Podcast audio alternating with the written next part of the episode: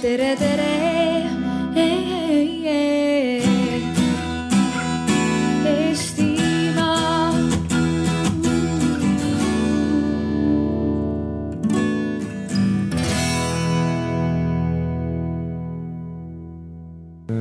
ma tean, et sa tahtsid, et ma sügisest äh, ajateenistusse läheksin, aga jah, ma mõtlesin ümber, ma tahaks õppima minna edasi.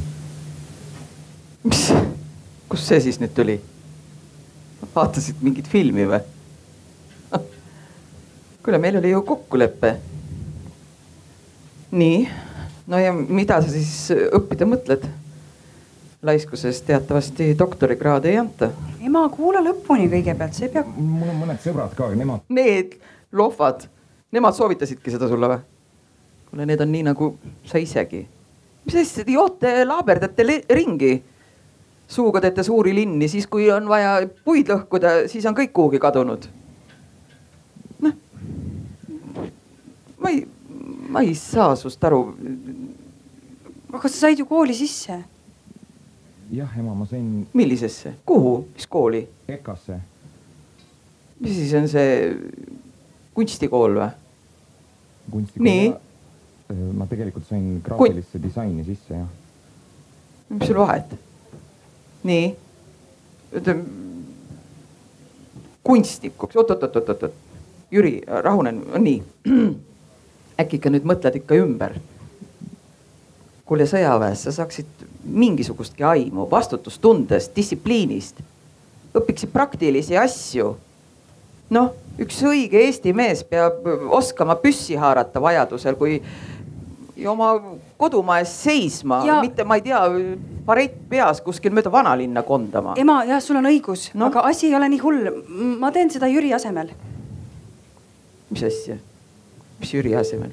mina tahan olla valmis õigel hetkel püssi haarama ja oot-oot-oot-oot-oot-oot, ma ei tea muidugi seal mereväes võib-olla, oot-oot-oot, nii. oot-oot, ma ei saa praegu üldse, ma ei saa aru, teil on mõlemil see kuumus pähe löönud või? mis, mis püssihaare sina siis nüüd oled, sa oled naine ju no aga kuule, ma ei saa aru, meil oli kokkulepe. Jüri toa üürime välja, sina aitad mul seda internetis teha. koristada lubasid mul kõik no. jaa, aga siis oleks vastupidi. Mari läheks ajateenistusse ja mina oleksin kodus, siin aitaks sind. sina aitaksid mind või? sa ei oska pesumasinatki tööle panna. nojah, aga ma õpetan talle. kuule, ema, sa ju tead, Mari on alati sitkem olnud kui mina. kuulge, meeste koht ei ole sõjaväes. Äh. tähendab naiste, naist, naiste koht ei ole sõjaväes. issand jumal, ma ei, mõtled ka natukene, kuskil laeva peal seal üksinda, mis karjameeste sees Ulgu merel, nüüd ronid sinna kuskile masti otsa ja jah, tuleb suur torm. Kuule, sul on lamp jalad, sa ei saagi minna üldse ma käisin tegelikult seal arstlikus komisjonis, nad ütlesid, et sellest ei ole midagi, et ja peale kõige see, sul on miinus, suur miinus ju. kuule, mul on see tuttav arst, kirjutab sulle mingi paberi välja. ema, ma olen täiesti terve, ma ei saa aru. pealegi tänapäeval on, on laseropid ja, ja, ja läätsed saab panna Jah.. see ei ole mingi probleem. isa teab üldse, isa, ah? nii, ma ütlesin talle ja ta oli nõus. Tegelikult tal oli hea meel, sest ta ütles, et siis on just hea, et ta ei pea mulle taskuraha maksma ja. iga kuu. no siis muidugi oli tal hea meel. raha ei pea maksma, seda sellest ma mina saan aru. saaks äh, kooli kõrvalt tööl käia. tõesti või? seda tead, et enne kella kahte peab siis ikka üles tõusma. ema, ma ei saa aru, mis vahet seal on või no ma No, praegu ju võetakse naisi ajateenistusse, see on täiesti. jah, mis, mis vahet seal on, kas, kas lähen mina või tema võib minna, mina ei või, miks mina ei või, kas me ei ole võrdsed siis või? võrdsed, võrdsed, muidugi olete võrdsed, võrdselt olen teid armastanud, aga üks on mees, teine on naine aga mis vahet seal on, väga paljud naised lähevad praegu vabatahtlikult no ja üks. loll ees ja teine sina kohe järgi. issand jumal. kes see tahab sind üldse pärast? mis asja? selliste asjadega tegeled? ma ei tea, käed lähevad selliseks paksuks muskliks kätte, issand ehmatad mehed ära enda ümber, ma nii, ma lootsin, ma saan vanaemaks kõik. noh, ja nüüd Jüri leiab sealt, sealt kunstikoolist endale kindlasti selle tätoveeritud täispruudi. räägite kunstist ainult, hakkate veel kanepit suitsetama issand jumal, ma lootsin, et sõjavägi teeb sust mehe lõpuks, saate korralikul järje peale tööd, loote peret, toote mulle lapsi. no aga ega ma, ema, see ei tähenda, kui ma mereväkke lähen, see ei tähenda, et ma ei võiks ju kunagi sulle ei no, laps. minu süü, muidugi minu süü, minu süü, mina ei ole osanud teid kasvatada, ma ei tea, no ma ei julge kellelegi rääkidagi. poeg on siis nii-ütelda see intelligent ja, ja, ja tüdru, tütar on siis nüüd mul see meremees või? ema ema, kui sa selle mereväe vastu nii väga oled, siis tegelikult üks variant on veel, nad pakkusid seda suurtükipataljoni, et sinna võiks ka minna. kuulge, mulle aitab, ma ei jaksa enam.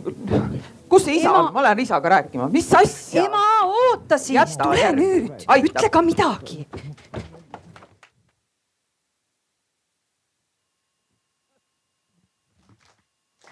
tere tulemast meie arutelule naistest kaitseväes ja sellest, kas see on utoopia, reaalsus või luupainaja ehk kas me ikka peaksime nagu Eesti ühiskonnana jaksama selle teemaga tegeleda ja veelgi enam, kuidas see täpselt võiks välja näha? numbrid iseenesest on ju lihtsad, aastal kaks tuhat viisteist äh, kutsealusena kaitseväes käis kakskümmend neli tüdrukut umbes kolme tuhandest kutsealusest ja on toimunud dramaatiline kasv, see number aastal kaks tuhat kaheksateist on sada kaheksa. mitte just dominantne osa ja ma ei kujutagi õieti ette paremat paneeli kui see, mis mul täna siin laval on, kui see kaabel kärgi tuleks, kellega seda teemat avada. esiteks kutsun ma lavale Arni Alandi, kes on ajakirjanik, Aktuaalse Kaamera välistoime, välistoimetaja ja kes on äh, Eesti avalikus diskussioonis mitmel viisil seisnud äh, liberaalsete ja roheliste teemade eest. tere tulemast, Arni. tere äh, teiseks nooremleitnant äh, Daisy Zelisko, kes äh, täna on küll vanemapuhkusel, kuid kes töötab Kaitseväe värbamiskeskuses ajateenist- ja käis ajateenistuses pärast bakalaureusekraadi, mille ta sai Tartu Ülikoolist sotsiaaltöö valdkonnas ja oma ühe, üksteist kuud kestnud ehk siis selle pikema versiooni ajateenistusest läbis Daisy esimese jalaväebrigaadi õhutõrjepataljonis. tere tulemast näitleja Märt Koik on koomik, Youtuber ja Eesti ühiskonnas üldiselt kuulatud arvaja. Äh, Märt on iseenda kohta öelnud, et talle meeldib kõiges kahelda, kuid loomult on ta laisk ja lohakas. Märdi roll, ma loodan tänases arutelus lisaks kõigele muule on ka see eluterve küsimus, et õues on suhteliselt kaugele jõudnud kahekümne esimene sajand. millest kuradist me üldse räägime? tere tulemast ning äh, viimaks kolonelleitnant Margot Künnapuu, kes on äh, pika karjääriga kaitseväes. täna töötab ta Eesti esinduses Euroopa Liidu ja NATO juures vanemstaabi ohvitserina, kes esindab Eestit Euroopa Liidu sõjalises komitees. varem on Margot olnud näiteks äh, Kaitseväe Ühendatud Õppeasutuse täiendusõppekeskuse ülem ning on, on olnud ka maa, maaväestaabi personali administratiivosakonna ülem tere tulemast. alustakski sellest, et ehk teile kõigile veidi ka sellist kurviga palli visates, et miks me sellest üldse räägime. Arni, see etendus, mida me nägime, vaatles kaitsevaldkonda sellise jõu ja ilunumbrite valdkonnana, sellena, kus füüsiline jõud määrab selle, kas sa oled sobiv selle karjääri jaoks äh,. kuidas see tegelikult on? kui kaugemalt vaadates tundub, et pigem ju sõja ja rahu ja militaar- ja mittemilitaarkarjääride piirid ja ka nende valdkondade piirid maailmas on pigem hägusamaks muutunud. ja on küll. Äh, ega see klassikaline kraavis roomamine ja vastase pihta tulistamine ei kao kuhugi ära, aga, aga armeel või kaitseväel või kuidas me teda iganes nimetame, on väga palju funktsioone, mida vanasti ei olnud. alates näiteks siis noh arvutiluurest lõpetades noh igasuguste selliste antropoloogiliste aspektidega näiteks üks asi, kõik teate ju seda lugu kindlasti omasest ajast Ivan Sussaninist, kes Poola sõdurid Venemaal sohu juhatas. et kui meil on vaja näiteks vastase sõdurit sohu juhatada, siis sagedamini oleks seal vaja Ivana Sussaninat, kes sageli tunneb kohalikku maastikut paremini ja tunneb kohalikke olusid ja kes saaks selle Ivana Sussaninaga paremini jutule kui üks kaitseväelasest naine. ehk neid praktilisi kohapealseid nii-öelda antropoloogilisi funktsioone hinnatakse kõigis maailma armeedes järjest enam ja enam.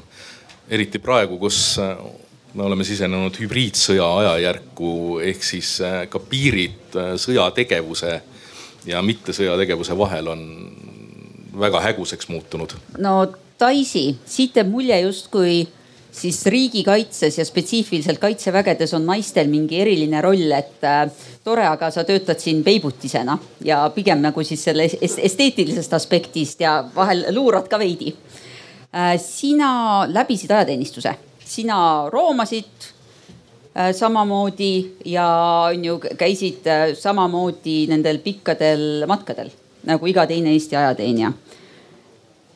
kuidas see tegelikult välja näeb, kas on sellel kaitsevaldkonda tegelikult sisenemise esimesel astmel ajateenistuses, kas on vahe, kas sa oled poiss või tüdruk? ei, äh, vahet sees küll ei ole, sellepärast et kõik, mida sa ajateenistuses teed või ei tee, see sõltub ikkagi sinu isiksusest väga palju. kui tugev sa oled oma iseloomu poolest ja ma just enne mõtlesin, et millega võrrelda ajateenistust. ajateenistus on äh, sport. ja kui sa tahad äh, spordis olla tugev, siis sa pead pingutama ja täpselt sama on ajateenistuses. sport tegelikkuses ei küsi ju sugu, ta ei küsi seda, kas sa oled äh, mees või naine mis su pikkuse kaal on, eks, vaid äh, seda, milline on su tahe ja täpselt sama on ajateenistuses ka.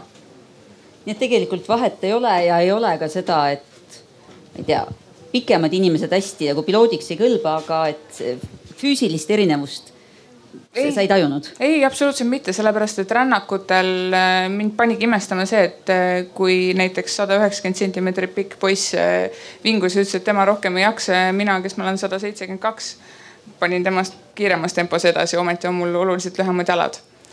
nii et äh, jah, ei, ei mõjuta siuksed asjad ähm,. Märt, sinu terve mõistusega seda tekkinud olukorda siin vaadates, et millest me siin täpselt räägime? õues on kahekümne esimene sajand. naised, kujutate ette, saavad valida, teha tööd, raha teenida ja seda raha ka iseseisvalt kulutada ähm,. omada kinnisvara ja siis järsku on üks valdkond, mis on nagu meestel, sest nad justkui on tugevamad, jagu ja hirmus solvav, kui sinna järsku minu või Daisy või Margoti sugused äh, saabuvad. mida kuradit, mis see on, millest me räägime siin? No väga raske on vastata sellele, mina arvan, et võib-olla on asi seotud sellega, et ähm, kui kõik need eelnimetatud asjad, need on võrdsed õigused, aga näiteks äh, mõnes mõttes noh, Eesti ühiskonnas mehed peavad minema sõjaväkke, et sellisel juhul me räägime kohustustest. et ma arvan seda, et äh, kohustusi ei nõua ju keegi endale tavaliselt juurde vast.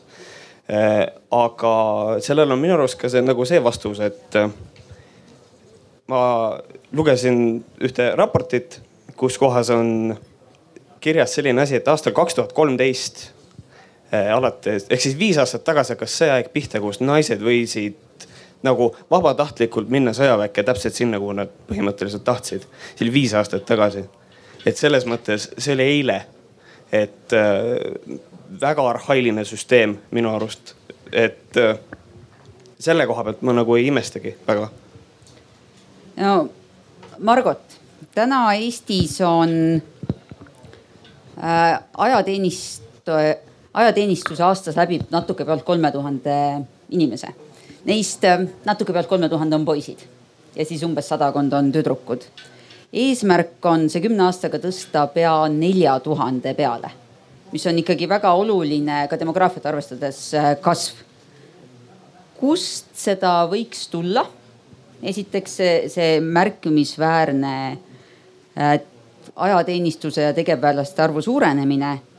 ja teiseks sinu kogemuses väga pikalt riigikaitses on, on nii neid, kes räägivad seda, mida me oleme siin kuulnud, et inimesed ongi erinevad, kui neid, kes ütlevad, et juht on juht ja hea juht on hea juht. mis see mõistlik viis naiste osakaalu suurendamiseks riigikaitses tegelikult on?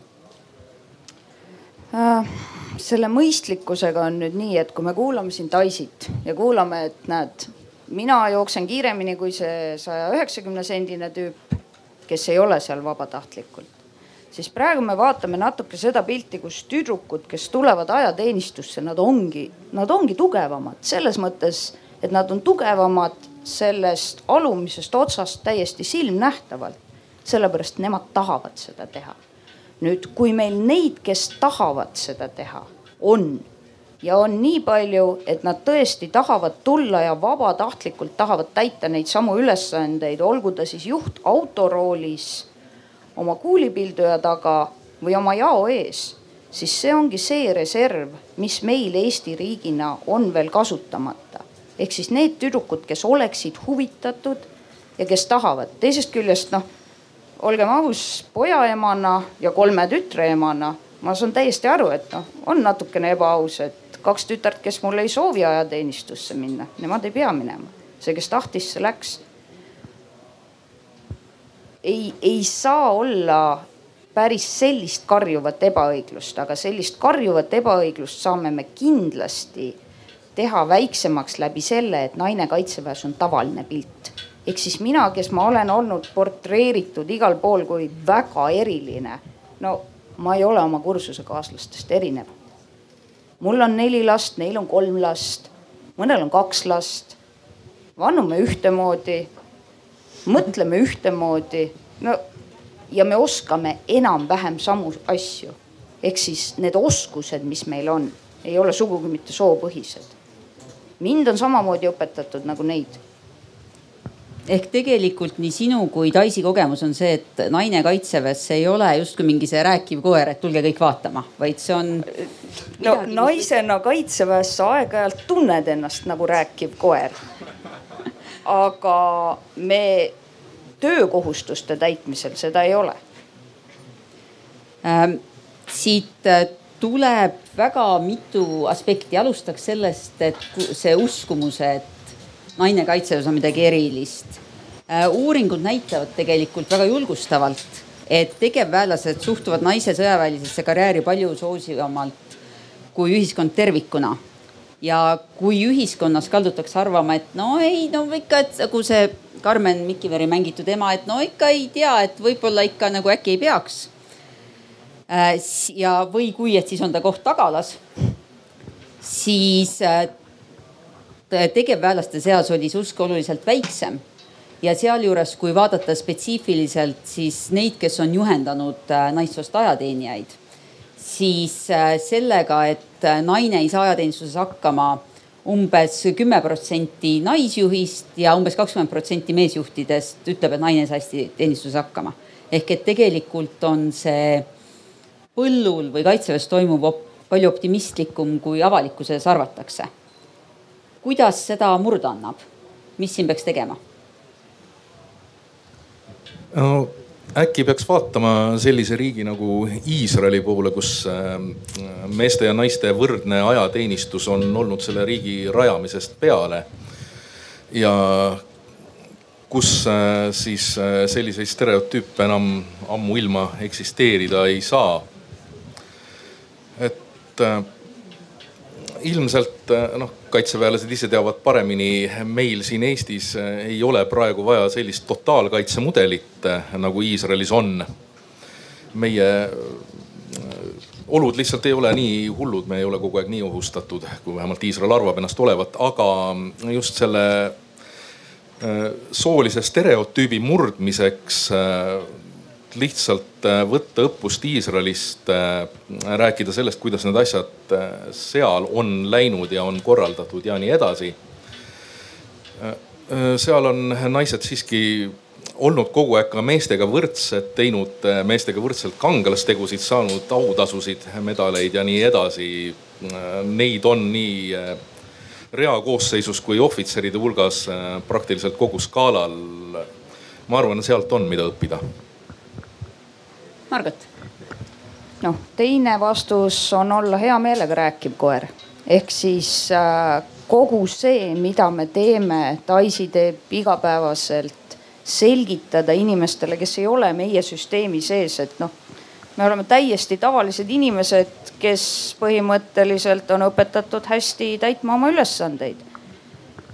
Mitte ükski tütarlaps, kes tuleb kaitseväkke, ei satu olukorda, kus talt nõutakse midagi võimatut. ükski poiss samamoodi. me kõik oleme ise selle läbi teinud ja me oleme kõik valmis ise neid samu järgmisi inimesi väga hea meelega samamoodi õpetama see on esimene asi. aga teine asi on see, et äh, kui me vaatame Eesti ühiskonda, siis Eesti ühiskond justkui natukene ei ole enam väga valmis võib-olla selleks, et tütarlapsi väga palju ajateenistusse tuleb. samas teisest küljest, olgem aus, meie maksumaksjatena ehk siis mina mitte kaitseväelasena, vaid mina maksumaksjana tahan olla kindel, et Eesti saab oma kaitse-eelarve eest täpselt nii palju kaitset, kui meil on vaja. ja see piirang praegusel hetkel meil kindlasti ei võimalda seda, et me võtaksime kaitseväkke kõik õiges aastakäigus naised ja kõik õiges aastakäigus mehed. ehk siis teisisõnu see, mida me praegu teeme, järk-järgult naisajateenijate arvu suurendamine on Eesti mõistes äärmiselt mõistlik ja äärmiselt otstarbekas raha, aja ja inimressursi kasutamine. ja, ja kontekstiks siis, et tõesti ajateenistuse läbib vähem kui veerand iga aastakäigul sündinud inimesi kokku, poistest on see osakaal oluliselt suurem kui tüdrukutest äh,. Daisy, Märt mina olen pannud näiteks noorte puhul tähele seda ka, et mis väga palju neid äh, alusetuid hirme suurendab, on see teadmatus, mis kaitseväes äh, sind ees ootab. ehk siis kaitsevägi on nagu mingisugune kinnine organisatsioon, keegi ei tea, mis seal toimub arvatakse, et kui tütarlaps äh, läheb sinna, siis teda ootab ees sama, mis näiteks äh, Nõukogude Liidus oli, eks. kuigi tänasel päeval kaitsevägi ei ole üldse selline, seal, selle, see juba alustuseks ei ole ajateenistuses nii pikalt, kui kunagi oldi nii et äh, kindlasti see äh, põhjustab sellist alusetut hirmu, see suurendab seda müüti, et äh, naise koht ei ole seal, sest et püha jumal, vaata, mis tingimustes sa seal olema pead ja mis koormusel sa asju teed. Et ma arvan, et võib-olla peaks ka kaitseväge kuidagi nagu inimestele kättesaadavamaks tegema ma pean sinult, Daisy, küsima ka selle ühe küsimuse, mida iga kord, kui ma olen sind näinud sellel teemal esinemas, on iga kord on küsitud mm. -hmm. iga kord on küsija olnud võib-olla mitte päris optimaalses füüsilises vormis, võib-olla mitte enam esimeses nooruses härrasmees aga kuidas see ikka on, et füüsiliselt poisid ja tüdrukud koos, et kuidas poisid tunnevad siis tüdrukuga koos jooksma minnes ennast, et nad ju, see erinevus on ikka nii suur teie füüsilises võimekuses naised saavad äh, meestega võrdselt hakkama, nagu ma ütlesin, ajateenistus on tegelikkuses sport, kui sa tahad, siis sa saad hakkama, kui sa ei taha ja sul ei ole motivatsiooni, siis sa ei saa hakkama, eks. Nii et äh, minu ajal oli ka, oli neid poisse, kes jooksid kiiremini, aga oli ka küllaldaselt neid, kes jäid maha ja palusid äh, tempot aeglustada, sest nad ei jaksanud kannul püsida ja see, mida mina olen ähm, kuulnud sind pean sind kiitma siis, kuivõrd sa ise seda ei tee, et äh, poistel oli tõeliselt raske, sest Daisy vähemalt ajateenistuse alguses pani eest minema iga kord joostes. Ja see järelejõudmine võttis mõningast treeningut jällegi vähemalt ajateenistuse alguses. noh, eks oli ka mul paremaid ja halvemaid päevi Märt see on jah, et füüsiline võimekus on erinev ja, ja, ja tavaliselt keegi alati jõuab nagu sinnamaani ka, et aga kuidas selle, kuidas siis nende pesuruumide ja kõikide nendega on, et kuidas see saab korraldatud ja kõik, et. Ma ei tea, kas on raske teha ajagraafik, et poisid ja tüdrukud käivad eraldi pesemas või mis siis, see on nagu crazy mõte, aga mis siis saab, kui nad koos pesema lähevad? et mis siis on, et kas me kardame vastassoo keha või, ja kui, kui meil ei ole vaja midagi teha, siis noh see on lihtsalt inimese keha, see ei ole, seal ei ole mitte midagi. kas see on kõlbeline, see on ka noh, mis noh, see on täi-, noh müsteerium minu jaoks juba see probleem. et ja siis äh, otsisin siitsamast brošüürist, et äh, minu äh, oma tädi rääkis esimese asjana. aga naistel on ju päevad, et mis siis saab siin on olemas punkt selle kohta ja siis ma loen ja mõtlen, et noh, et tegelikult ongi, et, et ma olen ajateenistuses käinud, see ei ole tegelikult nagu vangla, et selles mõttes, kui sul on halb olla või sul kuskilt valutab, sa lähed laatsaretti ja sa saad abi. Et nagu ma ei tea, minu arust on see üldse kummaline, noh, see ongi seesama, et miks me üldse räägime sellest, noh, naised ja mehed, laksti, sõjaväkke, palun minge, tehke. aga kui mina, minu eelmine töökoht oli samas hoones ühe kaitseväe kasarmuga ja mina teadsin, et kui ma tulin äh, trenniriietega tööle või kasutasin ajateenijate jõusaali, siis äh, riiete vahetamiseks ma panin ukse peale sildi, et äh, naised saunas. ja siis noh, kõik need ülejäänud kaitseväelased seal ootasid ja lootsid väga, et see silt väljendab seda, et ma olen seal saunas, mitte ei väljenda seda, et ma olen jälle unustanud sildi maha võtta. väga vabandan endiste kolleegide ees.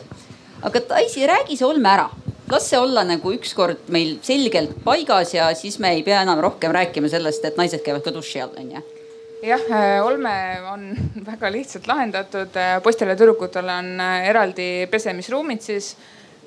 Sauna kasutamine, noh kuna igasse duširuumi ei ole ilmselgelt sauna ehitatud, siis saun on graafikujärgselt siis ära jagatud aga ma ei tea, kas keegi teab, mina olen vähemalt kuulnud sellist lugu, et miks üldse tehti meestele ja naistele eraldi duširuumid. sellepärast, et äh, meestel oli ebamugav, kui naine käis seal pesemas, mitte vastupidi. nii et äh, just, et alati ei tasu otsida probleemi naistes või et, et naistel on nagu ebamugav ja naistele tuleb teha mingisuguseid järeleandmisi et naised on nagu mingisugused erivajadusega inimesed, kellele tuleb kogu aeg vastu tulla, et tegelikkuses niimoodi ei ole magamine on äh, minu teada veel igas väeosas vist äh, erinevalt lahendatud, et pakutakse võimalusi olla kas ühes ruumis poistega, samas saab ka olla eraldi ruumis. omast kogemusest ütlen, et oluliselt parem on magada oma rühmaga koos, sest niimoodi levib info paremini, üleüldse saadakse oma rühmaga paremini siis nii-öelda ühele joonele. Aga mulle meeldis, et Märt tõi selle päevade teema välja, see on alati selline tabuküsimus, kui äh, näiteks äh, noored tütarlapsed äh, peale esinemisi tulevad minu juurde, siis nad küsivad väga vaikselt niimoodi, et et kuidas nende päevadega siis ikkagi on, et ma avalikult ei julge küsida, aga, aga kuidas sellega on. sihukesed asjad muutuvad pseudoprobleemiks ajateenistuses, ehk siis kõik, mis on tsiviilelus siuksed suured asjad, mille pärast muretsetakse ajateenistuses, selliste asjade peale väga ei mõelda. see muutub kuidagi normaalseks osaks, sa ei mõtle ega muretse selliste asjade pärast nagu üle ja kui sa võrdled kaitseväeteenistust spordiga, siis ma ei ole ka kuulnud, et äh, kord kuus seitsmeks päevaks saaksid äh, naissportlased vabastuse olümpiamängudelt, et pärast teed järele. et millest, millest me räägime ja kui seda vabadust, vabastust saab, siis palun saatke mu ülemustele kohe, nagu kohe. aga lähme olmega edasi, et tegelikult ju küsimusele, miks või kas naisi kaitseväeteenistusse, sealhulgas ka ajateenistusse kaasata, et see küsimus nagu. sest et õues on kahekümne esimene sajand ja inimesed teevad neid asju, milles nad on head ja riiki keegi peab kaitsma. aga üks olmeosast on ka see kultuur, mis äh, on töökohal. ja kui uuringud näitavad üldiselt, et kaitseväelased suhtuvad naistesse, nagu ma ütlesin, oluliselt paremini, naistesse kaitseväes ja kaitsevaldkonnas oluliselt positiivsemalt kui elanikkonna keskmine, siis tuleb välja siiski üks äh, huvitav paradoks. et kaks kolmandikku meestest ei ole tähele pannud, täheldanud ega märganud, et naisi mingil viisil ebavõrdselt koheldaks, siis nendest, kes on kaitseväes.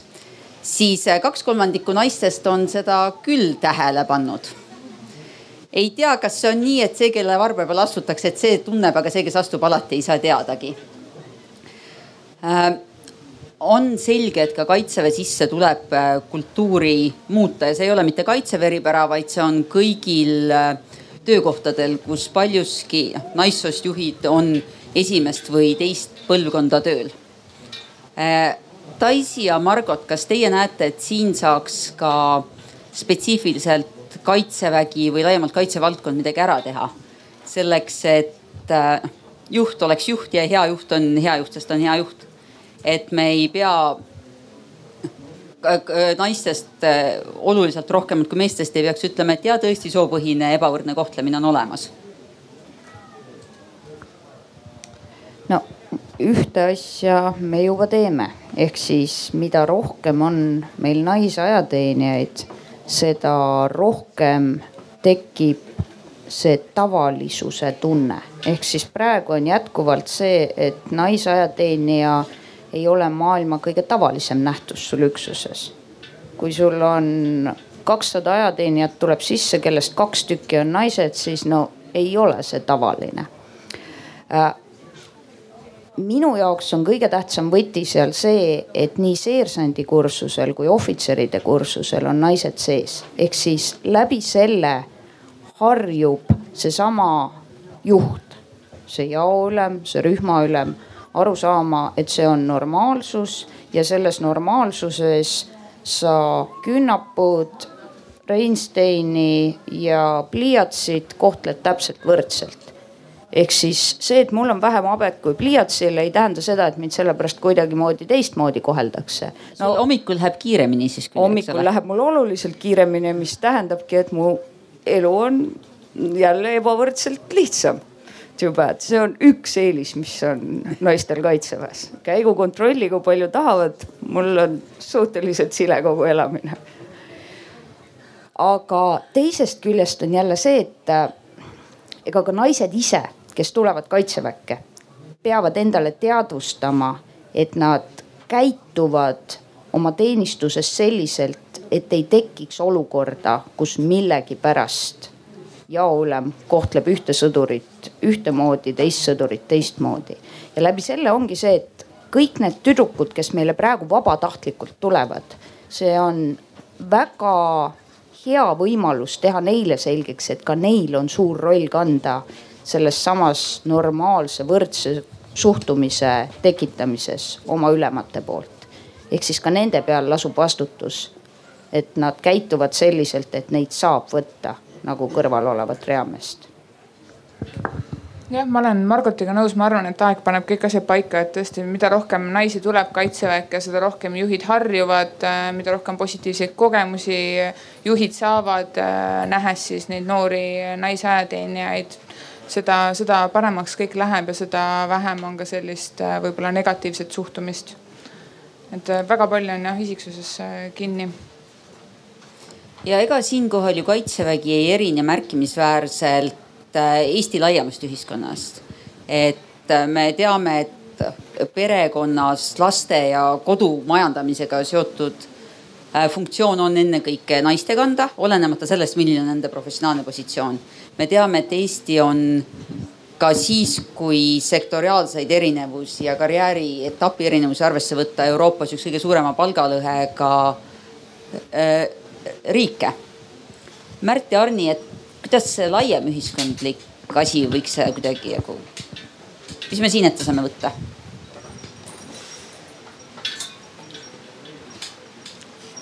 on, on ikka küsimus, Jeesus Kristus Allah ja teised. no noh, täna on vähemalt ots lahti tehtud, et me nagu räägime sellest, et sellest on vaja rääkida. on vaja ja mina leian seda, et äh, ma ei tea, rohkem ma ei tea, nagu ausust oleks vaja või nagu niimoodi, et äh, mida see endast kujutab, noh jällegi see, mida me siin täna teeme, et noh, me räägime nagu, kuidas olukord on, milline see välja näeb ja ma ei tea, vähem vähem hirmu ja võiks nagu võtta endale selle sihi, et kui me, kui meil on ajateenistus vajalik Eesti Vabariigis, äh, siis, et see on kõikidele kodanikele kohustuslik, sellepärast et minu arust siis on ka see võimalus, et naisterahvas võib ajateenistuse ajal leida, et hei, et see on nagu, ma tahaks seda teha kui karjääri. sellepärast, et mina oma ajateenistuse ajal äh, minu rühmast äh, kolm kutti leidsid, et, et see on see noh, et. Äh, sinust sai humanitaar jälle, eks? ja ma käisin ajateenistuses ja sain aru, et mina olen see inimene, kes ei ole kaitseväe jaoks sündinud nii, ma selle pealt hüppaks tagasi korra selle näidendi juurde, mis meil siin oli, et äh, noormees läheb siis kunstiülikooli ja issand jumal mis nüüd küll saab, et ähm, äh, nende ohvitseride hulgas, keda mina isiklikult tunnen, on päris palju EKA taustaga inimesi, nende hulgas ka üks naisohvitser ehk Ingrid Müüling äh,. aga nüüd, mis ühiskondlikult teha, tuleb meelde mõningad aastad tagasi juhtum Saksamaalt, kus siis äh, politseis äh, oli kasvanud äh, naiste osakaal nõnda suureks, et mehed hakkasid massiliselt politseist lahkuma ja politseid hakati pidama naiste erialaks, mis tõi siis kaasa noh, sellised ähm, probleemid nagu selline asi ikka, et palgad selles sektoris hakkasid kiiresti langema ja nii edasi ja nii edasi et ilmselt ähm, Eesti kaitseväega midagi taolist ei ole karta. aga mis teeb minu meele küll natuke rõõmsamaks, on see, et ma näen, et ähm, tänavatel politseinikke on enam-vähem võrdselt mehi ja naisi, nii palju kui mina ringi olen vaadanud et ei saa öelda kuidagi, et näed naispolitseinikke oleks vähem või nad torkaksid vähem silma. politseist juba... küll on olnud kuulda, et neil on väike probleem sellega, et üldiselt on põhimõte, et kahte naist koos patrulli ei panda ja siis hakkab meestest puudu jääma nii jah, et nii, et natukene see saksastumine siin ikkagi toimub, aga põhimõtteliselt, kui, kui seesama äh, asi nüüd laieneks nagu mujalegi, et, äh, et jah, ikkagi see, et naispolitseinikut me ei vaata enam kui rääkivat koera, et noh, et siin on lootus, et see asi lihtsalt laieneb äh, mujalegi, et selline arvamus nagu oleks mingisugused äh, erialad või kohad ühiskonnas spetsiifiliselt mehelikud ähm, lihtsalt äh, praktika sunnil kaob vaikselt ära, sellepärast et noh, naisbussijuhi peale ei pilguta ka keegi enam silmagi niimoodi. kuigi, kas sa oled tähele pannud, et bussijuhtide hulgas on naisi oluliselt vähem kui trammijuhtide hulgas, sest ikka parem, kui naisele annad kätte midagi, mis vaata püsib kindlalt rööbastel äh, samas on juurde tulnud nii meestrammijuhte kui eriti ikkagi naisbussijuhte, et veel mingi viis-kuus aastat tagasi neid ei kohanud üldse nii palju, kui neid praegu on tõesti sündinud lugu, sõitsin äh, bussiga, äh, naisbussijuht tuli ja üks vanem härrasmees tuli, hakkas bussi peale astuma. ma rääkisin seda oma abikaasale, aga kunagi ta ei uskunud mind. Ja küsis, et vabandage, kas te olete bussijuht? naine vastas, et jah, olen küll. ja mees keeras ringi ja ei läinud selle bussi peale. et meil on nagu ikkagi meil on nagu neid inimesi, kes lihtsalt ei saa nagu, noh ei, ei, naine ja mees ja müür vahel, et see on nagu kurb, et loodame, et selle müüri saab maha ükskord. et ma lubaks ühe remargi endale veel, et, et oluline on ka see, kui, kuivõrd kaovad ühiskonnast ära mingisugused väga tugevasti kaua kehtinud müüdid, no niimoodi mingisugustest väga põhimõtteliselt erinevatest meeste ja naiste rollidest no näiteks äh, kaitseväega seoses siis on üks selliseid müüte on müüt naisest kui eluandjast äh, ja mehest kui eluvõtjast. noh, et teisest maailmasõjast me teame väga edukaid, väga resultatiivseid, kui nii võib öelda, naissnaipereid. Nad edestasid, Nõukogude armees konkreetselt edestasid meessnaipereid niimoodi, et äh, selle pinnal me nagu ei saa väita et iseenesest on kellegi elu võtmine väga kurb ja see ei ole kunagi ühegi kaitseväe eesmärk. see on asi, mida tuleb eraldi toonitada, et äh, sõjavägi ei ole või kaitsevägi ei ole mingi tapmiseks mõeldud organisatsioon, ta on kaitsmiseks mõeldud. aga kui asjaks läheb, äh, siis äh, ei ole naised tõestatult kuidagi meestest viletsamad.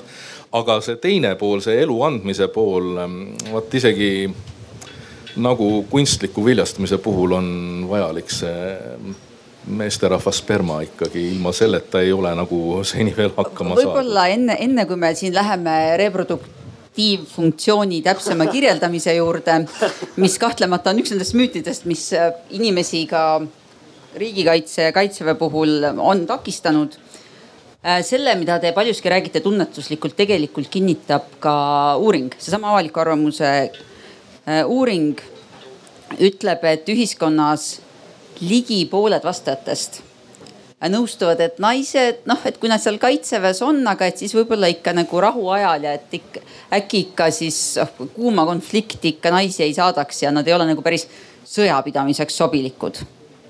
ehk et naiste roll oleks kaitseväes justkui midagi teistsugust, siis jälle tegevväelased on siin tegelikult need, kellel on kogemus on teenäitajad umbes kolmandik on tegevväelaste hulgas neid, kes usuvad, et naised noh, et kui nad juba tulevad kaitseväkke, et parem, kui nad ikka nagu keedavad suppi ja tegutsevad laatsaretis ja nii. aga keerame selle laiemaks, keerame selle Eesti üldise kaitsekorralduse ja ajateenistuse korralduse peale. et Eesti on täna selgelt teinud ära oma kaitsepoliitikas mõned valikud. üks nendest valikutest on see, et Eesti valmistab endale ette laiapõhjalise ja, ja reservil põhineva kaitsevõimekuse. selle peamiseks vaalaks on ajateenistuse läbimine ja väga-väga selgelt uskumus, mille tõttu see on nii otsustatud, erinevalt väga paljudest teistest, ka meie NATO partneritest, on kindel arusaam, et Eesti peab suutma esmaselt territoriaalkaitse ise tagada ja selleks meil peab olema suur reserv. sest seda ei ainult siis professionaalse armeega ei jaksa teha. nüüd selles raamistikus täna on otsustatud, et äh, ainult poiste jaoks on siis ajateenistus kohustuslik ja vähem kui pooled iga aastakäigu poisid äh, tegelikult ka teenistuse läbivad. kas see on mõistlik mudel või me peaksime hakkama siin seda korraldust üle vaatama? on ju näiteid, noh Norra, Iisrael, mõlemat on juba mainitud kus Iisraelis on kohustuslik kõigile, Norras on universaalselt äh, kättesaadav ajateenistus ma, minu isiklik arvamus on küll jah, et peaks hakkama seda asja muutma, sest et praegu me oleme lükanud kõrvale sisuliselt äh, noh üle poole Eesti ühiskonna inimestest, eks. me ei kasuta ära seda ajupotentsiaali, mida me mida me saaks kasutada. aga jah see noor värvata on väga okei siin.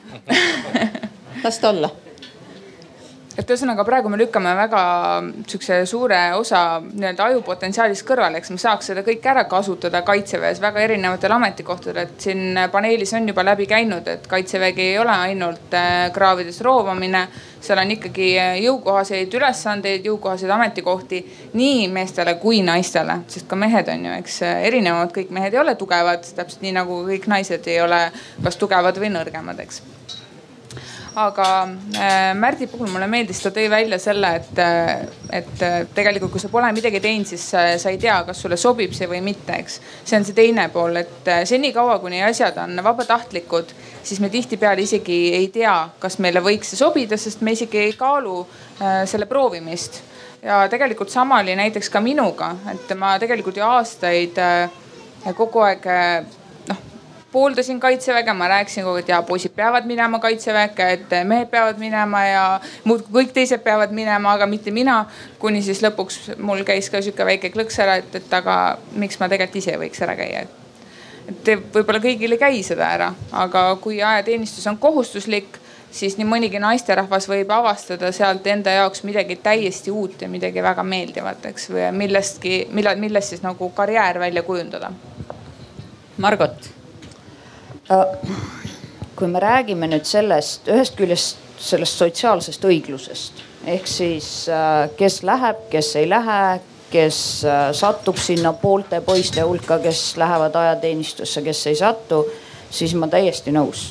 asi kõlab väga paljudele ebaõiglaselt. samas, millest me peame aru saama, on see, et meie kaitseväe jaoks on meil olemas üks rahakott ja kaitseväe põhiülesanne ei ole mitte kaasata tütarlapsi ajateenistusse, mitte olla see, kes ühiskonnas äh, õpetab poisid pesu voltima või õiget pesumasina nuppu kasutama, sest vastupidiselt sellele näitele siit meile eelnenud näidendist, poisid tegelikult ka saavad ajateenistusest teada, kus kohas pesumasinad käima või aga tulles tagasi selle suurema sügava probleemini on see, et me kõik teame, kui palju on üks suur pott raha. Ja me kõik teame, et selle eest saab piiratud hulgal asju. Ja see piiratud hulgal asju on siis valik, kas meil on rohkem ajateenijaid, kas me ehitame rohkem kasarmuid või me saame paremad relvad ja need peavad olema ühiskonnas väga kaalutud valikud, mis jah, tehakse ära professionaalide poolt, kes siis esitavad ühiskonnale need võimalikud variandid. ehk siis teisisõnu, kui me ütleme, et me võtame aastas sisse kuus tuhat ajateenijat, me võtame praegu kolm tuhat. see tähendab seda, et me peame kuidagimoodi kuskilt kas saama väga palju raha juurde selleks, et ehitada neile kasarmud, kus nad magaksid, sellepärast et me ei saa ajateenijat hoida telgis kuus, kaheksa või üksteist kuud, isegi kuus kuud mitte. ja siis me peame millestki muust kuskil kõrval loobuma. me teame ka seda, et me vajame head uut relvastust, varustust ja seesama ajateenija motivatsioon olla ajateenistuses sõltub väga palju sellest, millise varustusega ta seal ajateenistuses on kusjuures siin jälle korraks pean Daisy sinult küsima, et enamus ju sellest varustusest, mille, mis antakse ajateenijale või ka karjääri kaitseväelasele, on ehitatud mehe keha järgi. rakmed, vormid, saapad. kas see on ka tänasel päeval mingi reaalne probleem? No mina saan rääkida ainult iseenda eest, eks. minul ei tekkinud probleeme selle varustusega. aga selge see, et kui äh, olla puusakam naine, siis võib olla keeruline nendesse pükstesse mahtumisega või et kuidas see vorm nagu istub. aga noh, samas ma jällegi arvan, et see, kui sa päriselt tahad midagi teha, siis see on ikkagi kõige väiksem probleem, millele sa mõtled. et siis sa leiad lihtsalt viisi, kuidas need asjad sulle sobivad. nii, aga Arni ja Märt et siin on, me oleme jõudnud sinna, et ah ikka, et naised ka ja kõik võiks, aga mida see tähendab Eesti kaitsevaldkonna korraldusele laiemalt ja spetsiifiliselt ajateenistuse korraldusele? siin sellest äh, rahakotist oli juba juttu, et, äh, et ikka see on kinni konkreetsetes poliitilistes otsustes, eelkõige see küsimus nüüd küll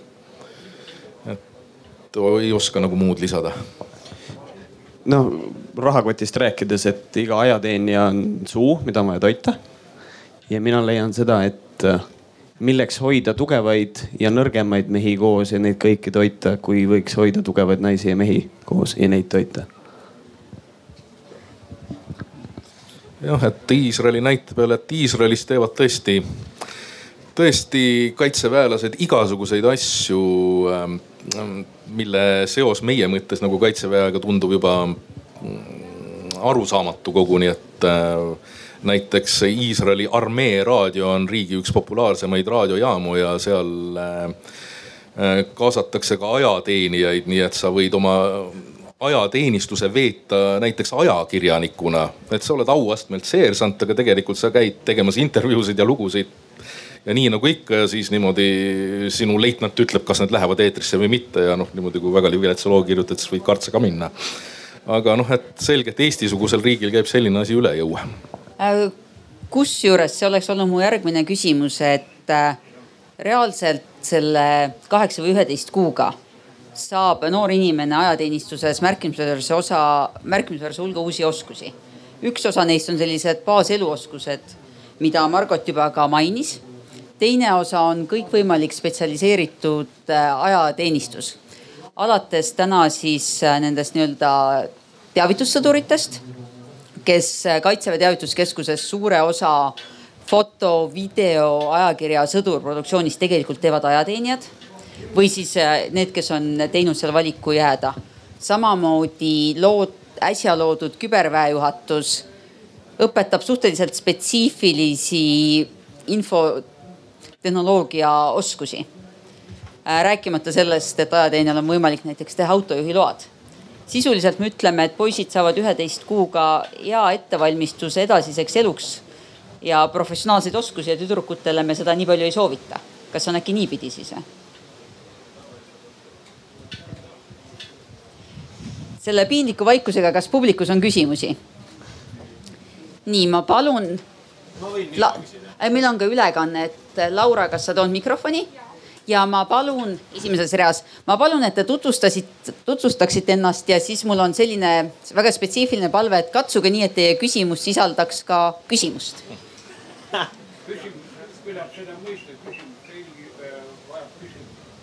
et küsimuses. Formaalloogika vastane välja arvamusfestival on näidanud, et tihtipeale on ka inimesi, kes äh, tõstavad käed, neil on küsimusi, siis nad esitavad väite ja siis keeravad selja, hakkavad ära kõndima. ja, ja ma, ma olen väga tänulik, et minu juhendamisel oli vaja nii mehelikku küsimust kui mehelikku selgitamist. see ühtlasi minu, minu kogemust kaitseväega asju ajades võtab väga üheselt kokku, aitäh. aitäh. ja ka muidu professionaalina. Hannes Ugu-Kurbla, Lipnik ja Tartu Ülikooli tudeng, et äh, ma tahaks küsida, et mis peab muutuma, et äh, ma kuulsin praegu tund aega järjest, et kuidas me oleme õigetel arengutel ja asi liigub hästi, millega ma ka täiesti nõustun.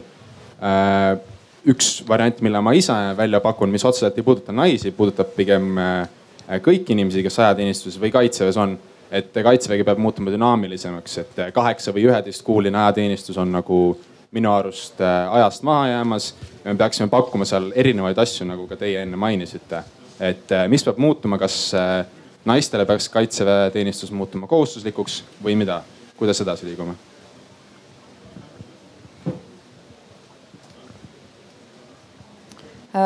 Mina enda arvates olen oma arvamust siin ja see on täiesti minu isiklik arvamus väljendanud, ehk siis ma arvan, et tegelikult ei kaitsevägi ega Eesti ühiskond ei ole valmis praegusel hetkel ehk siis aastal kaks tuhat kaheksateist, kaks tuhat üheksateist liikuma sinna, et ka tütarlastele on ajateenistus ühtlaselt kohustuslik, nagu ta peaks olema poistele.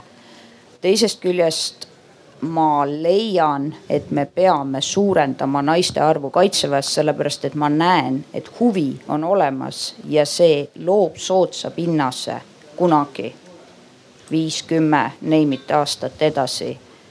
et meil nii poisid kui tüdrukud ühtlaselt kannavad seda koormat. mis peaks muutuma? Minul tekkis hoopis see küsimus selle peale, et mis on see mõõdik, mille põhjal me siis saame öelda, et nüüd Eesti riik on valmis tegema ajateenistust naistele kohustuslikuks. see on küsimus kõigile siis palju. võib-olla ma annaksin ka ühe jätkuküsimuse, mis sama teemat adresseerib. jälle seesama mööndud talvine avaliku arvamuse uuring see küsis, et noh, et kuidas siis naiste kaasamise valdkonnas edasi liikuda. et kui me oleme kokku leppinud, et üldiselt see võiks olla vajalik, siis nii tegevteenistujate kui avalikkuse peamine soovitus oli teadlikkuse tõstmine, teavitustöö ja seda nii laiemas avalikkuses kui tegevteenistujate seas. ja see on ühest küljest selline noh, tavaline soovitus, et kui midagi läheb halvasti, siis kommunikeerime rohkem ja kui rohkem kommunikeerime, siis on rohkem kommunikatsiooni ja siis küll on kõik hästi. aga teiselt poolt paluks teil välja tuua need konkreetsed müüdid või väärarusaamad, mis on justkui barjäärid sellele kaasamisele, mida see teavitus peaks maha võtma? mis hirmud, mured, müüdid, stereotüübid, eelarvamused? ja see on küsimus teile kõigile.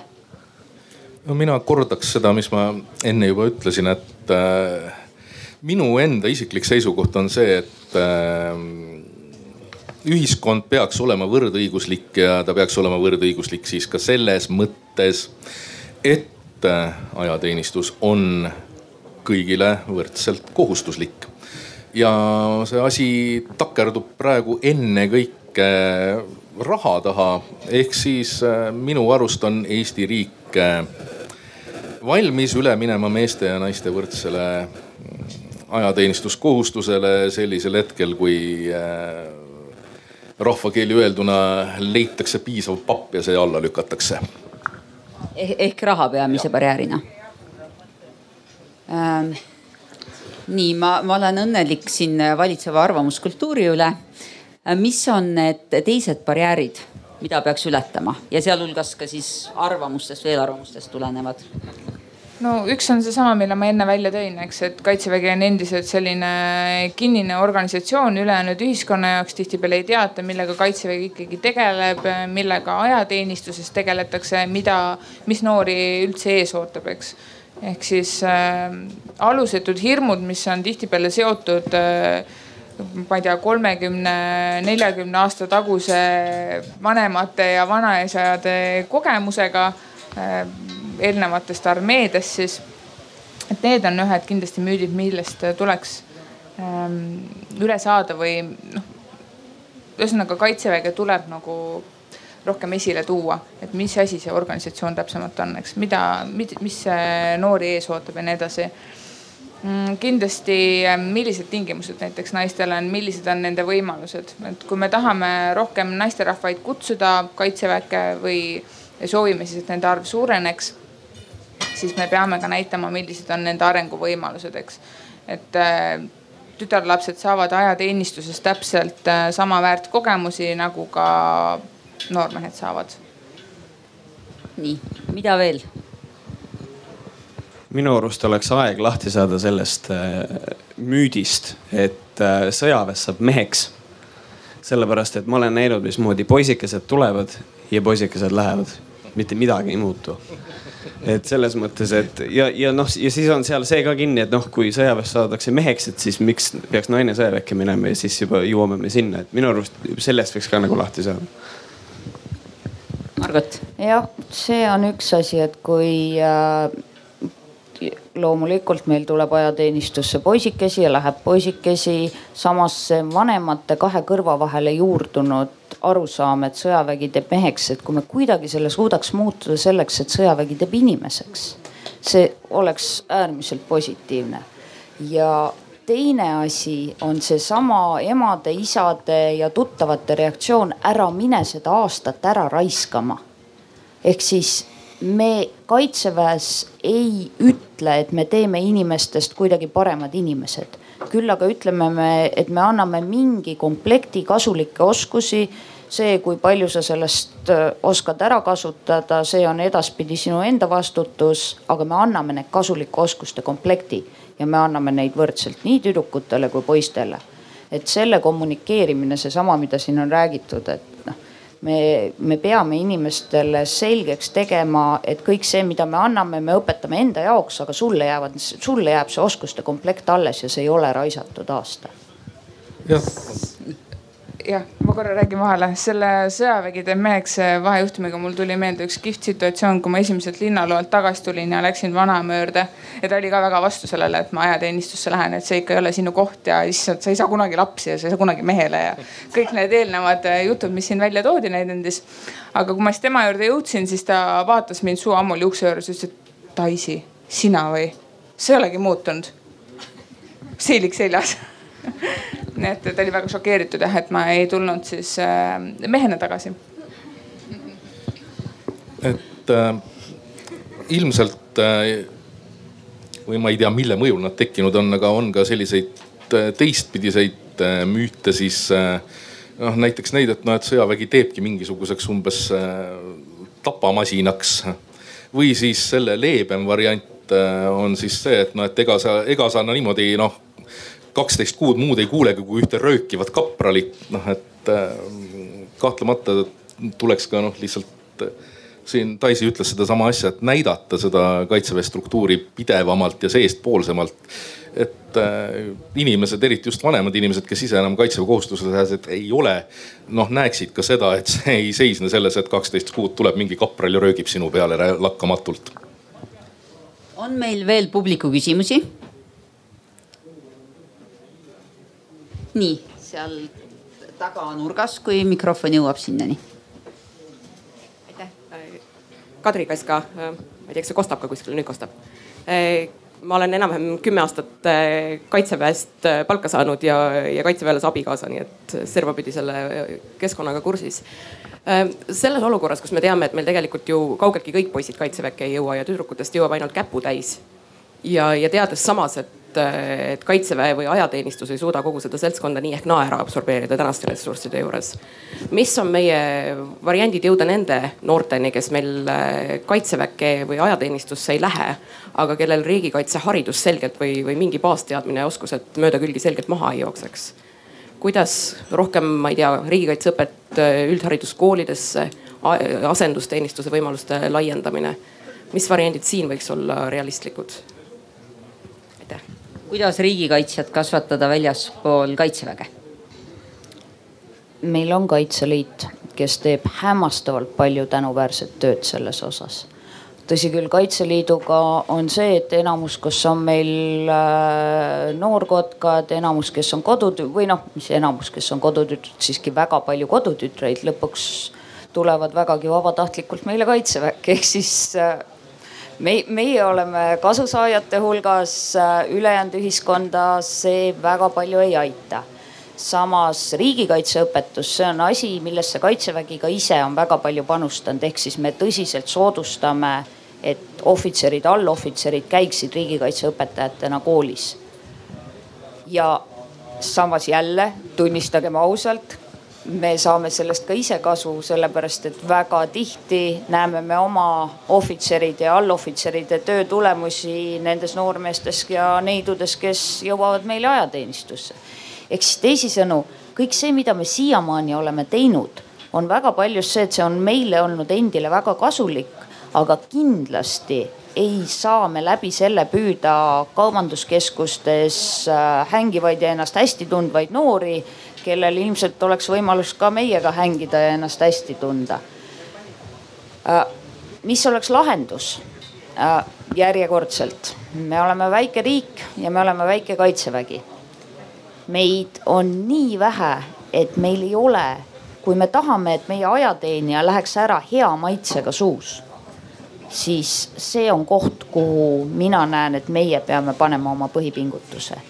Me ei saa olla igal pool ja teha kõike, ehk siis kaitseväe poolt see ja samamoodi ka küsimus asendusteenistusest ma olen täiesti nõus sellega, et see on õiglane, mõistlik ja oleks ilmselt ühiskonnale kasulik aga see ei ole enam küsimus kaitseväele, see on küsimus tagasi ühiskonnale. mida me siis teeme, et see asi paremaks läheb? mida ühiskond peaks tegema? et minul, äh, ma lisa vahemärkusena lihtsalt Margoti jutu peale, et minul on äh, seniajani äh, südamest väga kahju muuhulgas, et kadus ära selline asi nagu üksik päästekompanii aga see on jälle küsimus äh, riigieelarvest, ilmselt meil ei ole sellise, sellise institutsiooni jaoks raha. mida veel?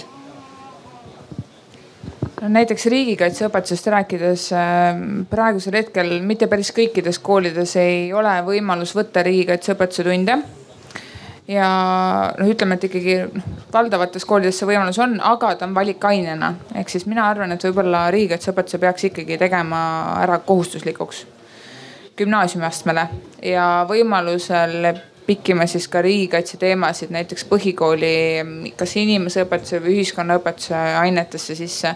niimoodi, et noored saaksid ikkagi võimalikult noorelt juba kuuleksid, mis asi on riigikaitse, mida see täpsemalt endast kujutab, mis asi on kaitsevägi, mis on kaitseväe funktsioon, mis on iga kodaniku äh, kohustus, mis on kodaniku ülesanne, eks ma arvan, et kui selliseid asju maast madalast kogu aeg noortele rääkida, siis me suudaks muuta ka seda mõttelaadi ja tegelikult suudaks ka võib-olla kutsuda, muuta kas ajateenistus või kaitsevägi noorte jaoks nii-öelda meeldivamaks, võtta ära see, see kohustuse tunne sealt võib-olla. nii, midagi veel?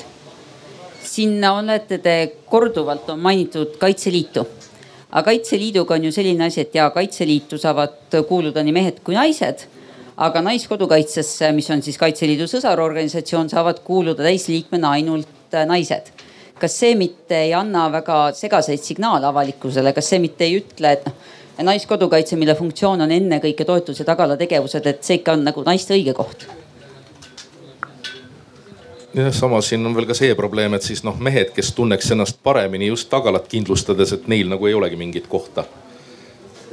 ei no. Need lähevad nagu kunstiülikooli. jah et äh, minu arust isiklikult võiks küll olla niimoodi, et on Kaitseliit ja siis on, äh, on kodukaitse ilma niimoodi spetsiifilise märgistusega, kus oleks siis õige koht nende jaoks, kes, kes äh, tõesti tunnevad ennast hästi just kõikvõimalikke tagalatöid tehes või suudavad oma parima panuse anda seal. ma olen üsna kindel, et noh, et neid mehi võib olla lõpuks päris palju, kelle jaoks see on õige koht. jällegi Kaitseliidus on ka oma tagalastruktuurid, kus needsamad härrasmehed saavad väga hästi täita oma tagala funktsiooni. ja siinkohal olen mina, usun kõikidesse võrdsetesse õigustesse, võimalustesse, kõigisse muudesse asjadesse aga kui mina loon oma naiste padjaklubi, siis see on naiste padjaklubi ehk siis teisisõnu, Naiskodukaitse on organisatsioon, mis on ise vabatahtlikult öelnud, et nemad on naiste organisatsioon. niikaua, kuni nemad seda niiviisi veavad ja seda on, siis ka neil on see õigus. ehk siis teisisõnu, võrdõiguslikkus peaks raudselt laienema sel hetkel, kui me räägime kodaniku kohustusest aga kui me räägime kodaniku vabatahtlikust panusest, mida naiskodukaitsjad teevad fantastiliselt palju, siis las nemad teevad seda ja mees, kes tahab kokata, tal on raudselt olemas koht Kaitseliidu tagalastruktuurides, kus ta saab seda teha sama hästi, veel paremini aga lihtsalt teises struktuuris ja see vabatahtlike organisatsioonide olemus ei ole selline, mida me peaksime nüüd võrdõiguslikkuse labidaga muutma hakkama, et see, see ei aita väga palju kaasa. Nii, kas on veel üks publiku küsimus? siin kohe vaatame, mikrofon jõuab, jõuab ka teieni. Marelle Erlenheim. on see sees? kuulda ei ole. kuulda ei ole äkki saab lava aitäh, et olen Marelle Erlenheim, olen noorem leitnant Kaitseliidus kaheksateist aastat, reservohvitseride kogus juba pikalt ja olen olnud ka kolm aastat tegevteenistuses selle pika aja jooksul olen ma saanud riigikaitse vaatest äh, nii tõsiselt oma võimeid proovile panna, kui tegelikult õppinud ka väga korralikult mölutama. ja ma arvan, et need mõlemad on asjakohased, peaasi, et on teada eesmärk, miks just selles hetkes on see olukord ja siin on juttu olnud sellest, et meil on hästi piiratud ressursid ja riigikaitse on väga kallis. Järelikult kõiki asju peaks tegema eesmärgipäraselt. siit teile küsimus, mis on teie hinnangul see kõige olulisem eesmärk, mida peaks täitma naiste suurem kaasatus? aitäh väga hea küsimuse eest. mis on eesmärk, mida me saavutame naiste suurema kaasatusega kaitsevaldkonnas? väga lihtne vastus me täidame ära selle augu, kus meil inimesi puudu jääb. see on väga aus vastus ja minu jaoks see on siiamaani kogu minu teenistuse jooksul olnud see, et ma ei ole mitte augutäide, vaid ma olen kaitseväele vajalik. hoolimata sellest, kas mul on munad või mul ei ole mune, olen ma vajalik lihtsalt sellepärast, et ma teen oma töö hästi ära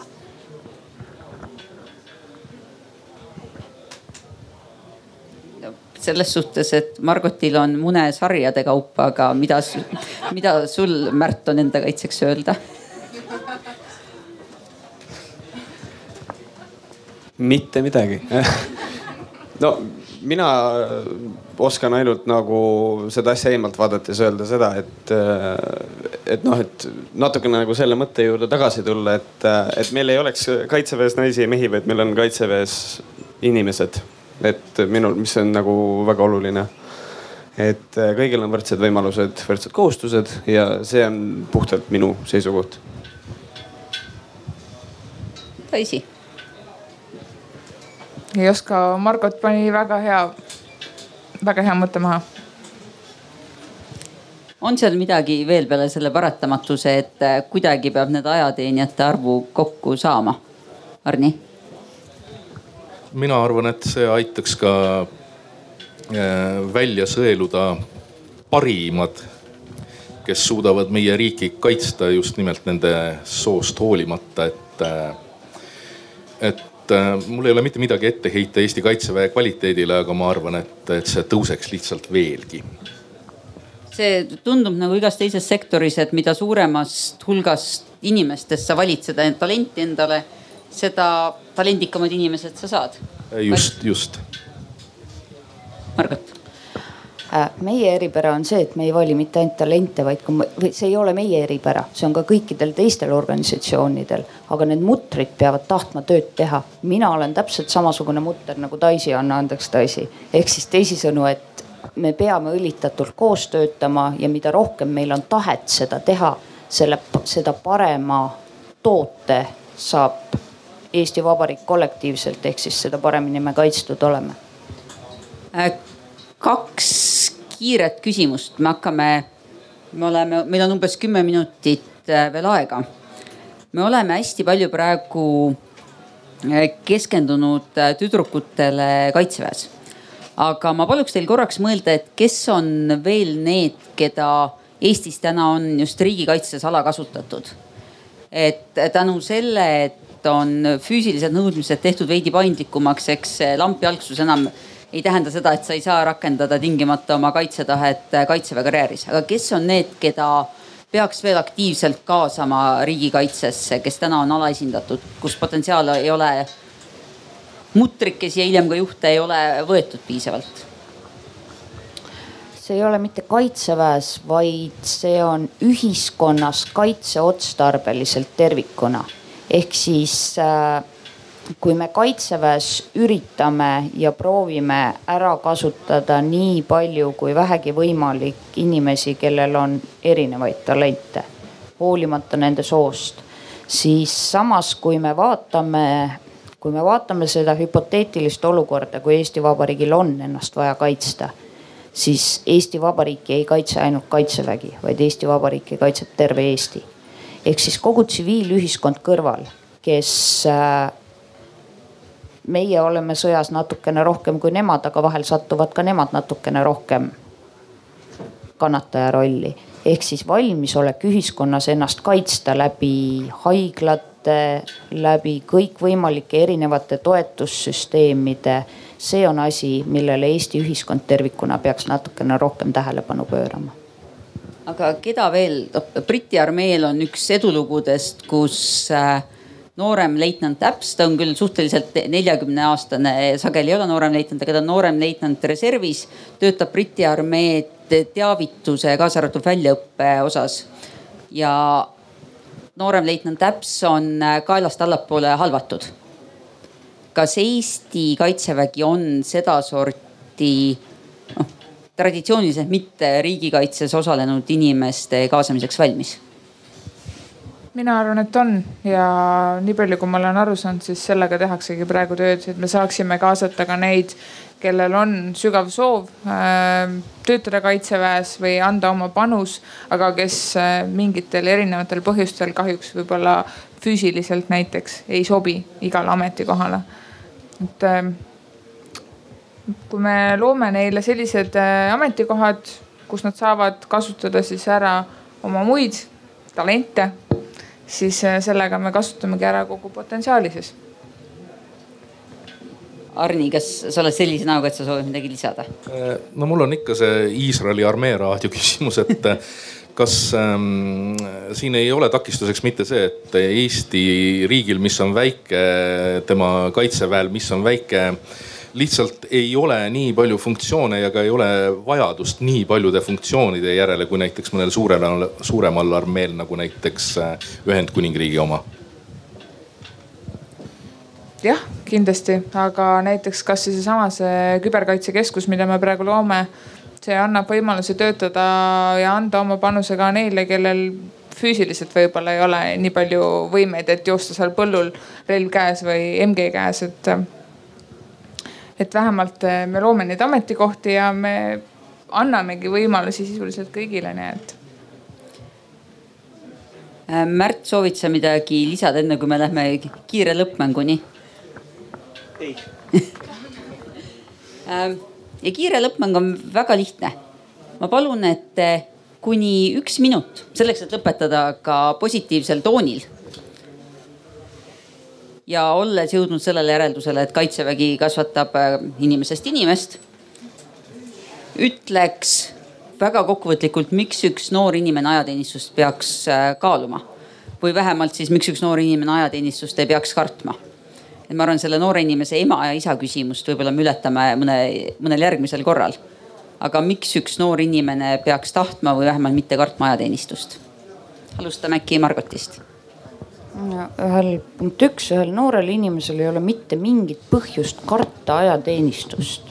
kui tal on piisavalt plaastreid esimene nädal kaasas ja tal on kaasas motivatsioon ja hea tuju, siis seal ei ole mitte midagi karta, tõsiselt. miks lapsevanemad, ma olen ajateenija lapsevanem. sest et täitsa ausalt, ma saan, ma saan kõikidest emadest ka aru mina ka põen natuke mina, kes ma peaksin teadma, oskama, olema, samamoodi põen. Ehk siis lapsevanematega on natuke raskem, noh nende, nende instinkte alla suruda, et äh, oi mu pojake või tütreke, mis temaga juhtub. see, kui keegi selles osas mulle head nõu annaks, ma oleksin väga tänulik.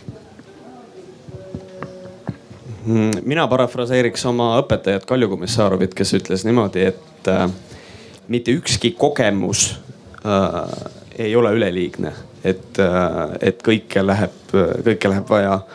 ja isegi äh, konservatiivse maailmavaatega inimestel, et kellel on õudselt probleem, et kindlasti peavad naised ja mehed alati koos elama, siis teile ka nagu minu arust väga hea point, et tegelikult on ju niimoodi, et kui naised ka näiteks ajateenistuses käivad, siis nad saavad paaris kokku ja vaat kui palju on rääkida ja millest.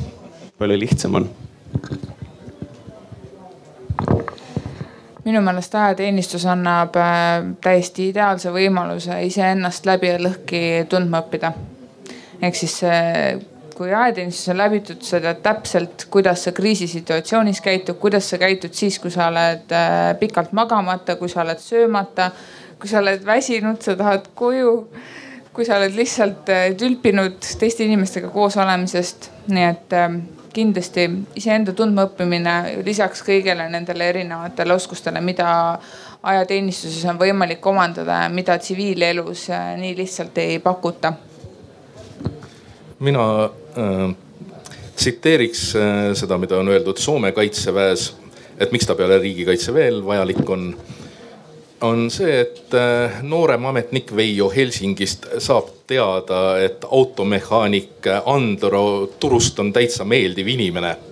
et äh, samamoodi Eestis, et siis äh, ütleme ministeeriumi ametnik Henri Tallinnast saab teada, et talusulane Jaan Kohtla-Järve kõrvalt maalt on täitsa normaalne inimene ja temaga saab igasuguseid asjalikke asju ette võtta ja sellega ma palun, et publik ühineks tänuaplausiga Arni Alandi, Daisy Zeleisko, Mart, Märt Koik ja kolonelleitnant Margot Künnapuu